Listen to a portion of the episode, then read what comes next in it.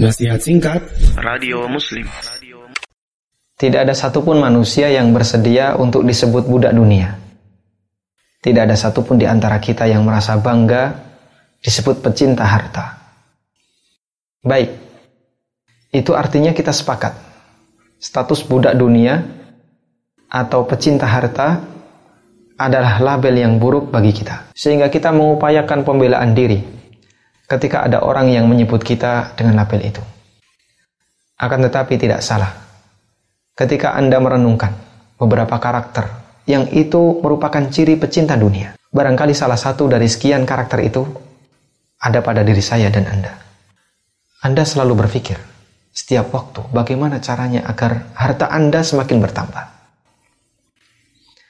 Anda merasa sangat bahagia ketika Anda berhasil menggapai cita-cita dunia anda sangat ambisi dalam mengejar karir Anda. Anda merasa sangat tertantang ketika ada teman atau tetangga yang lebih sukses secara materi. Anda selalu membayangkan bagaimana rasanya jadi orang kaya atau lebih kaya. Anda merasa tertekan manakala Anda gagal meraih apa yang Anda inginkan. Anda merasa sangat sedih dan menyesal ketika ada salah satu harta Anda yang hilang. Anda merencanakan kehidupan hingga terlalu jauh ke depan. Anda lebih pusing memikirkan pekerjaan daripada memikirkan tumpukan dosa yang terus bertambah.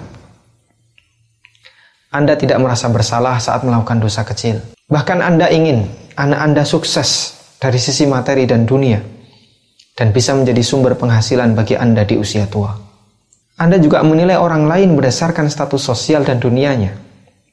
Dalam masalah ibadah, Anda tidak bersiap-siap saat waktu sholat akan tiba. Anda melalui hari ini tanpa sedikit pun membuka lembaran Al-Quran. Karena Anda terlalu sibuk. Kajian Islam bagi Anda hanyalah aktivitas pengisi waktu luang di tengah kesibukan karir Anda. Anda selalu ingin menjadi pusat perhatian banyak orang. Anda sangat perhatian dengan omongan orang lain tentang diri Anda. Anda terlalu sibuk memikirkan bagaimana bisa memiliki tubuh yang ideal. Anda lebih khusyuk ketika berdoa meminta dunia daripada berdoa meminta surga. Anda jejali doa Anda untuk meminta kesejahteraan dunia daripada kesejahteraan akhirat. Anda lalui hari ini tanpa sedikit pun memikirkan kematian. Karena memang dunia ujian bagi kita. Nabi SAW bersabda, Inna likulli ummatin fitnah. Wa fitnatu ummati al-mal. Setiap umat memiliki ujian. Dan ujian bagi umatku adalah harta.